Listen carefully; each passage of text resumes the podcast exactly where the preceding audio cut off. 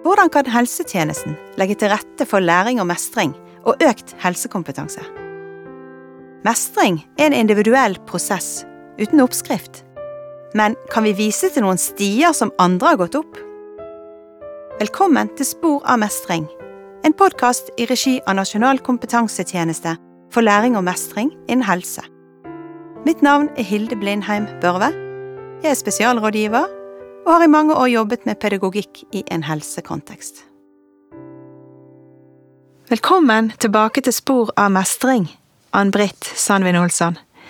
Du er tidligere presentert som stipendiat med forskningsfokus på brukermedvirkning på tjenestenivå. Og i de to første episodene så presenterte du dine to første artikler. Nylig har du publisert, du eller dere faktisk, publisert en tredje artikkel hvor du, eh, du, er hovedforfatter, men du har med deg noen andre. Kanskje du kan si hvem du har med deg i dette arbeidet? Ja, det må jeg si. Først takk for at jeg får komme tilbake, det er veldig hyggelig. Eh, de som jeg har med meg, det er Una Stenberg og Mette Haaland Øverby, som er jo våre kollegaer ved Nasjonal kompetansetjeneste for læring og mestring. Og så har jeg med meg min hovedveileder, Anita Strøm, og Tor Slettebø, som er biveileder fra VID vitenskapelige høgskole. Og så må jeg huske å si òg at eh, ph.d.-prosjektet mitt det er gjort mulig av Stiftelsen DAM og vår arbeidsplass ved Oslo universitetssykehus.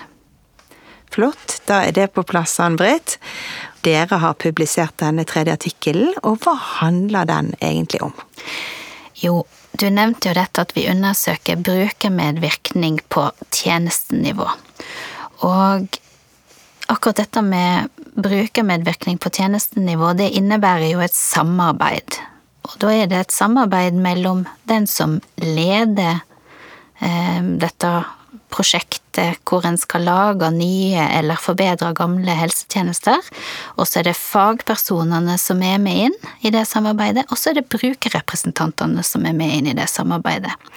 Og tidligere så har vi sett på hva fagpersonene tenkte om det samarbeidet, og i denne artikkelen så ser vi på hva de som leder samarbeidet tenker, og det er de vi refererer til som fasilitatorer. Det er de som legger til rette for at samarbeidet skal foregå på en god måte.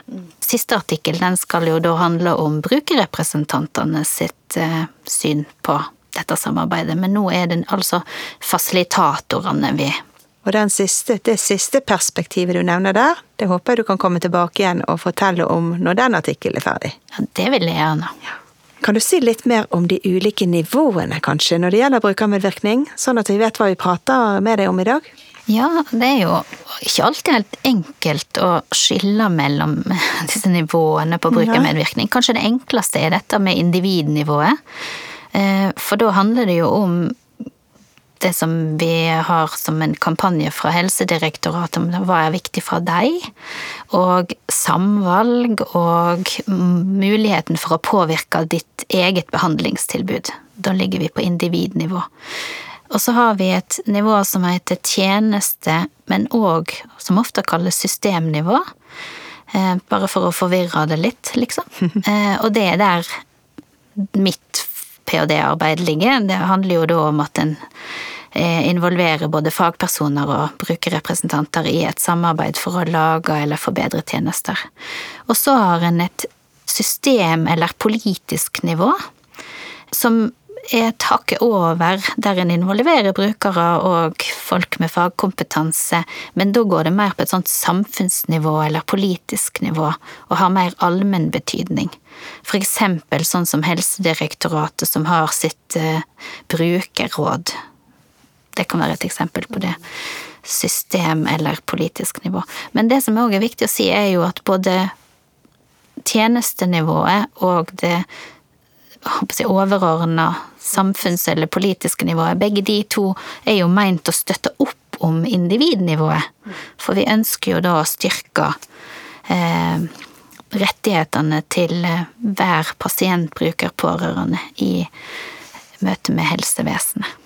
Mange snakker òg om frivillighet, likepersonarbeid. Eh, hva slags nivå er dette, det, å bruke medvirkning? Ja, det kommer jo litt an på hvordan eh, det gjøres, tenker jeg, men det er mange måter å se dette på.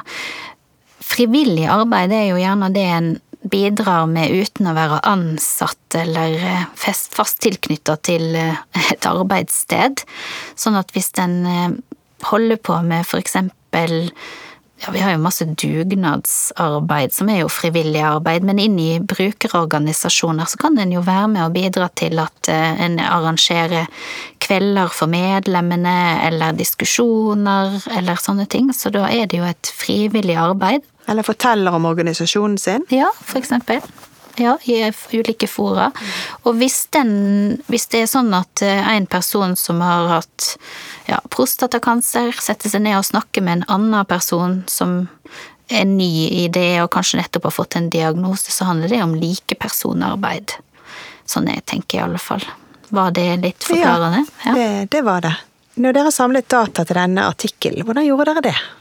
I denne artikkelen så har vi eh, faktisk intervjua Det kalles individuelle eller dybdeintervju med seks personer som har erfaring med å lede samarbeidsprosesser mellom fagpersoner med ulike altså tverrfaglige bakgrunner, og brukerrepresentanter.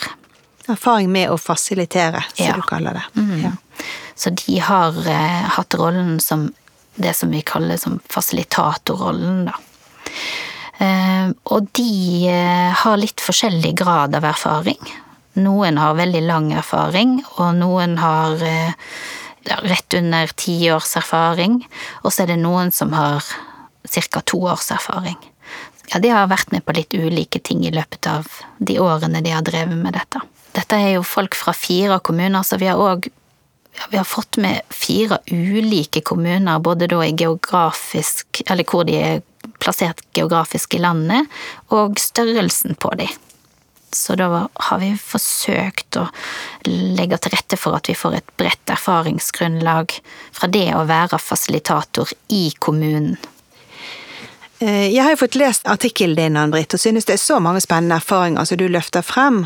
Kan ikke vi bare rett og slett se litt på noe av det som kommer frem her? i, denne artikkelen.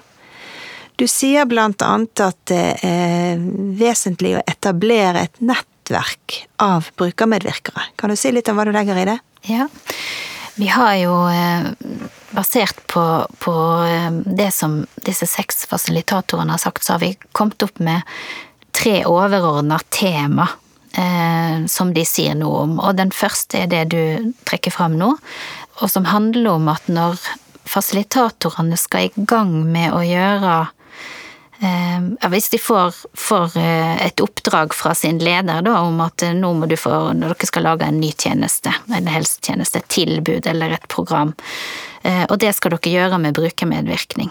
Og det er krav fra både myndighetene her i Norge og internasjonalt at det skal være med brukermedvirkning. Da må jo fasilitatorene først og fremst få tak i brukerrepresentanter. Og de er ikke sånn at de gror på trær i kommunen. Så da må fagpersonene, eller fasilitatorene, unnskyld, eh, de må jo rett og slett ut og finne disse. Og det de gjør da, det at de blir med i forskjellige fora, de prøver å eh, møte på arenaer i forbindelse med sykehuset som kommunen hører til. De tar kontakt med brukerorganisasjonene. Hvis de sjøl har noen tilbud, altså lærings- og mestringstilbud eller kurs, der de ser at noen utpeker seg som rollemodeller eller talspersoner, så, så, prøver de å involvere de og få tak i de og, og bruker de til å være brukerrepresentanter. Så de går grundig til verks for å etablere et nettverk først. Og det, det du sier der, det er jo eh, noe som går igjen. Det store spørsmålet hvor finner vi disse brukermedvirkerne? Det spørsmålet jeg har fått mang en gang. Ja. Og da gjør de det akkurat sånn som du beskriver så fint. Ut og støvsuger og leter og, og søker tips. Og det tar ganske mye tid. Det gjør det. Det å etablere et nettverk av brukerrepresentanter som de da igjen kan involvere i samarbeid, eh, det tar tid. Og så er det òg sånn at disse fasilitatorene er veldig tydelige på at de vil gjerne kjenne de brukerrepresentantene. de har ikke lyst til at disse personene skal begynne å prate om helt andre ting, eller ja, sånn som en fasilitator sa, at de, de, vil ikke ha folk som stuper ned i sin egen sykdom og elendighet, liksom. Det er et Ja, det kan gjøre samarbeidet litt mer vanskelig, så de prøver å unngå det. Så for eksempel i én kommune så, så, hadde de som eh, praksis at de møtte alle potensielle brukerrepresentanter og rett og slett hadde et intervju med dem. Sånn som vi gjør med fagpersoner? Ja. Før ansettelse eller før samarbeid? Mm. Ja. Sånn at de visste hva motivasjonen var for å bidra inn på det, altså det å være brukerrepresentant, og hva erfaringer de hadde, og hva de hadde å tilby, da, på et vis, og om de snakka på vegne av seg sjøl eller flere. Nettopp. Og så er det òg sånn at de nevnte òg dette med å at det er et ansvar som, som, eh, Når de involverer folk i dette nettverket, da, brukerrepresentanter, så må de være villige å, å, til å ta det ansvaret som det er å være involvert og bidra i det arbeidet, for det er en jobb som skal gjøres, sier de. Fasilitatorene de var jo veldig positive til denne måten å jobbe på, men de var òg veldig tydelige på at de som skal være involvert, må vite at dette er ikke noe koseklubb. Mm. Det var det ei som sa. Det er ingen koseklubb å bidra inn, det er en jobb som skal gjøres. Og så var det dette med at de måtte ha sin erfaring med seg, det var veldig positivt, men at de òg da måtte være i stand til å prate på vegne av andre, og dele flere sine erfaringer eh, inn i den eh, samarbeidsprosessen. Ja, en krevende rolle du beskriver her. Ja. Eh, og da stiller jeg et sånt spørsmål igjen. Hvem skal gjøre vedkommende i stand til alt dette? For det ligger jo en, en, en forberedelse her som ja. noen må ta ansvar for. Men det er kanskje litt utenom akkurat dette, men det er det jeg sitter og tenker. Nei, men de gjorde jo det. De tok jo òg ansvar for Altså, noen ganger så involverte de personer som allerede hadde en utdanning som brukerrepresentant i kraft av sin organisasjon. For noen organisasjoner gir jo den type opplæring. Og det syns egentlig fasilitatorene var veldig greit, mm. for da kunne de liksom stille litt krav den veien at, at, de måtte vite hva det var å være brukerrepresentant. Men der de involverte personer som ikke hadde fått den opplæringen, så enten så lærte de de opp sjøl, eller så ga de de muligheten til å gå på kurs. Sånn at de skulle få den eh, treningen og den, ja, på et vis utdanningen, da. Og de skulle forstå rollen sin bedre, da. En annen ting som kom frem, det var at eh, det var viktig å oppmuntre helsepersonell til å gå for brukermedvirkning. Og stimulere til det, oppmuntre til det. Kan du si litt om det òg?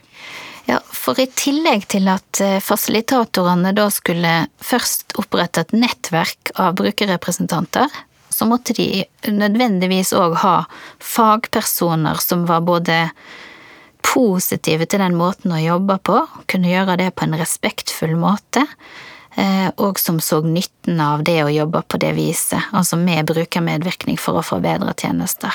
Altså rekruttere sine kolleger ja. til å medvirke, med andre ord. Ja, og da måtte de jo i stor grad i kommunen så var, har det ikke vært så veldig Det er ikke veldig mange kommuner i Norge som har hatt eh, tradisjon for å jobbe over lengre tid med brukermedvirkning på tjenestenivå. Så iallfall de kommunene som eh, vi involverte, så var jo dette noe alle hadde gjort, men i litt forskjellig grad. Og de som hadde jobba med det lenge, der var det veldig innøvd og veldig på plass. Mens de andre, så var det jo ikke det. Så dette med å rett og slett promotere brukermedvirkning og lage rom for det i primærhelsetjenesten, eh, det var en stor jobb for fasilitatorene. Du snakker litt om å finne gullet ja. i dette her arbeidet, og bli klare å motivere for det. Det som var problematisk for eh, fasilitatorene, var jo at når de kanskje fant noen eh, fagpersoner som de gjerne ville involvere i den type samarbeid, så var det jo ikke alltid de fikk fri for å gjøre det fra sin leder. Det var ingen automatikk i at når en blei med i tjenesteutvikling, så var det noen andre som fikk den sine oppgaver. Da kom dette på toppen? Ja, så kom det i tillegg. Så da måtte jo fasilitatorene òg finne ut hva som motiverte den enkelte fagperson, hva de måtte du snakker om det gullet, hva var det som, som kunne nære de, sånn at de faktisk hadde lyst til å gjøre den topp, denne jobben på toppen av sine andre arbeidsoppgaver, da. Um, så ja, det er en krevende Krevende rolle. Krevende rolle. De skal gjøre innmari mye, disse fasilitatorene, for å kunne få til å gjøre brukermedvirkning. Så bare forarbeid og legge til rette for det, og, og for rammene for det, er en jobb i seg selv. Ja, det er det. Og, og nå har vi snakket om at den jobben må de gjøre for å rekruttere sine kollegaer, rekruttere fagpersoner. Men så skal de jo forholde seg til ledelsen. For å få lederne i kommunen til å ta ansvar for dette lovpålagte, det å implementere brukermedvirkning. Mm. Det er òg noe disse fasilitatorene skal stå for. Ja, de endte jo opp med det, da, fordi at når de var de som skulle Først og fremst så hadde jo de nettverket, eller etablerte de dette nettverket av brukerrepresentanter. Og så prøvde de å få med fagpersonene inn i å samarbeide med brukerrepresentantene. Og så i tillegg så, så måtte de jo da få forankra dette i ledelsen. Og det var det ikke Det var én kommune der det var godt forankra, og så var det de andre tre kommunene hvor det var mindre godt forankra. Og fag, altså fasilitatorene reflekterte jo litt rundt om at måten de sjøl hadde lært om brukermedvirkning på, det var gjennom å praktisere det. Og når jeg sier brukermedvirkning, så mener jeg da på tjenestenivå. Så de hadde lært hva potensialet som lå i det, og mulighetene som lå i det, ved å gjøre det. Altså ved å samarbeide med brukerrepresentanter. Så når de skulle få lederne sine til å støtte dette, sånn at de fikk gjort jobben og oppdraget de egentlig hadde blitt tildelt, så måtte de vise lederne nytten av brukermedvirkning først. Måtte beskrive gullet? Ja, de måtte jo det. Ja. Ja. Og tegne det bildet? Ja.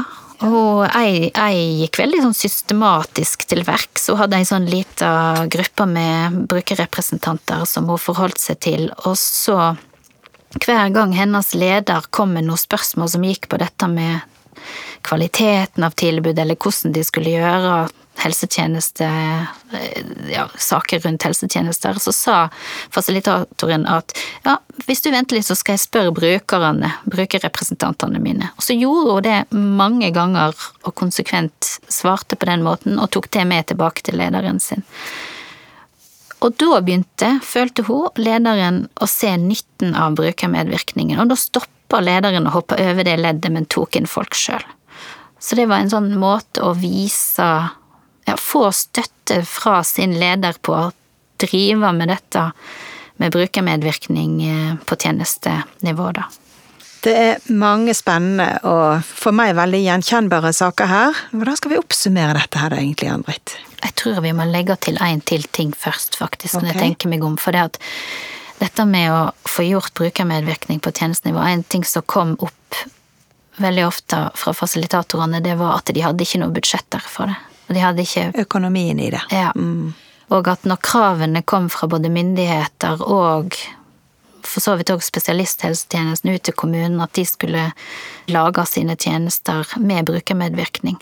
Så hadde de jo ikke veldig mange brukerrepresentanter, men de hadde heller ikke økonomien eller budsjettene til å betale de, honorere de, sånn som de gjorde på sykehusene. Så, så det var en stor frustrasjon det ble tatt opp igjen mange ganger, at det må jo komme fram at det koster faktisk å gjøre dette her. Og mange brukte masse tid på å søke på midler og penger og prosjektstillinger, sånn at de skulle få inn noe ja, penger til å, til å bruke til honorering av brukerrepresentantene, da. Vanskelig å stå i det gapet og se at du trenger en tjeneste, at menneskene stiller opp, og så har du ikke noe å anerkjenne dem økonomisk. Det må være veldig vanskelig å be om den tjenesten, da, på fasilitatorene. Ja, det Ja. De har jo liksom Det er jo igjen dette med at de må motivere på så mange områder. Eh, og det som òg kom fram da, kanskje, var jo dette at eh, når lederne ikke så helt viktigheten av eksempel å svare ut brukerorganisasjonene sine henvendelser fordi de hadde det travelt og var opptatt med andre ting, så betydde det mye for fasilitatorene sitt samarbeid med brukerorganisasjonene. Det forplantet seg? Ja, det ble negativt mellom fasilitatoren og brukerorganisasjonene når ikke lederne til fasilitatoren svarte på deres henvendelser og det de lurte på, og det som de gjerne, brukerorganisasjonene, trengte svar på, da. Så den støtten fra ledelsen både på ja, dette med at det er et felles anliggende for alle i organisasjonen å få på plass brukermedvirkning som en, ja, som en del av tjenesteutviklingen, da. Ehm, det opplevde fasilitatoren at, at lederne ikke så helt, og ikke forsto helt at de måtte, hvordan de skulle gjøre, da. Og at det ble veldig vanskelig for fasilitatorene. Ble dette en stor slitasje for fasilitatorene? Kunne det få noen eh, konsekvenser i form av at ikke de orket å stå i den rollen? Kom det frem noe sånt òg? Ja, det gjorde det, og det var Det var eh, Det kom frem at det å etablere nettverk og det å gjøre hele den store jobben, engasjere kollegaer og alt det som det krevde for å gjøre og få til Eh, dette med, med, å ha både fagpersoner og brukere for å samarbeide om å lage tjenester, da. At alt det arbeidet rundt, det var helt greit. Men den der eh, manglende støtten fra ledelsen, den, eh, den var det hardest å stå i. Og den gjorde òg at mange hadde lyst, og faktisk òg hadde lyst til å slutte. Og det til tross for at de hadde drevet med dette i mange år, så, så var det altså en sånn slitasje i det å aldri bli sett og hørt og forstått at, at ledelsen òg måtte bidra inn. Så det var vanskelig for fasilitatorene. Det var én kommune hvor dette ikke var en tematikk, fordi ledelsen støtta så godt opp. Eh, men de andre tre, de strevde. Hva tenker du da, Ann-Britt, eh, må til for at fasilitatorene skal kunne klare å gjøre jobben sin? At de skal lykkes med å få til samarbeid i helsetjenesteutvikling med brukermedvirkning? Ja, jeg syns iallfall det er interessant at Verdens helseorganisasjon, de har jo faktisk ønska å fremme brukermedvirkning eh, siden 1978. Og forskning viser jo at det fortsatt ikke er godt implementert, og da snakker jeg igjen på tjenestenivå. Hvis vi skal få til dette, så er det dette har vi jo begynt å tenke mye på nå eh, i de som jeg samarbeider med, og jeg sjøl òg, med hvordan vi skal gjøre det. Det som er kanskje den aller største barrieren, det er at for å forstå hva brukermedvirkning på tjenestenivå er og kan gjøre, så må en faktisk ha vært med i en sånn type samarbeid sjøl. Og det er jo vanskelig å få til, for vi trenger jo at ledere og fagpersoner i en organisasjon skal vite noe om det, uten at alle må ha gjort det sjøl først. Men det er iallfall sånn, tror jeg, at eh, fasilitatorene de må iallfall vite om at jobben er veldig omfattende, og at det krever å implementere brukermedvirkning i organisasjonen. Og at de må ha ledelsen sin støtte på det, eller så er det fryktelig vanskelig å få til.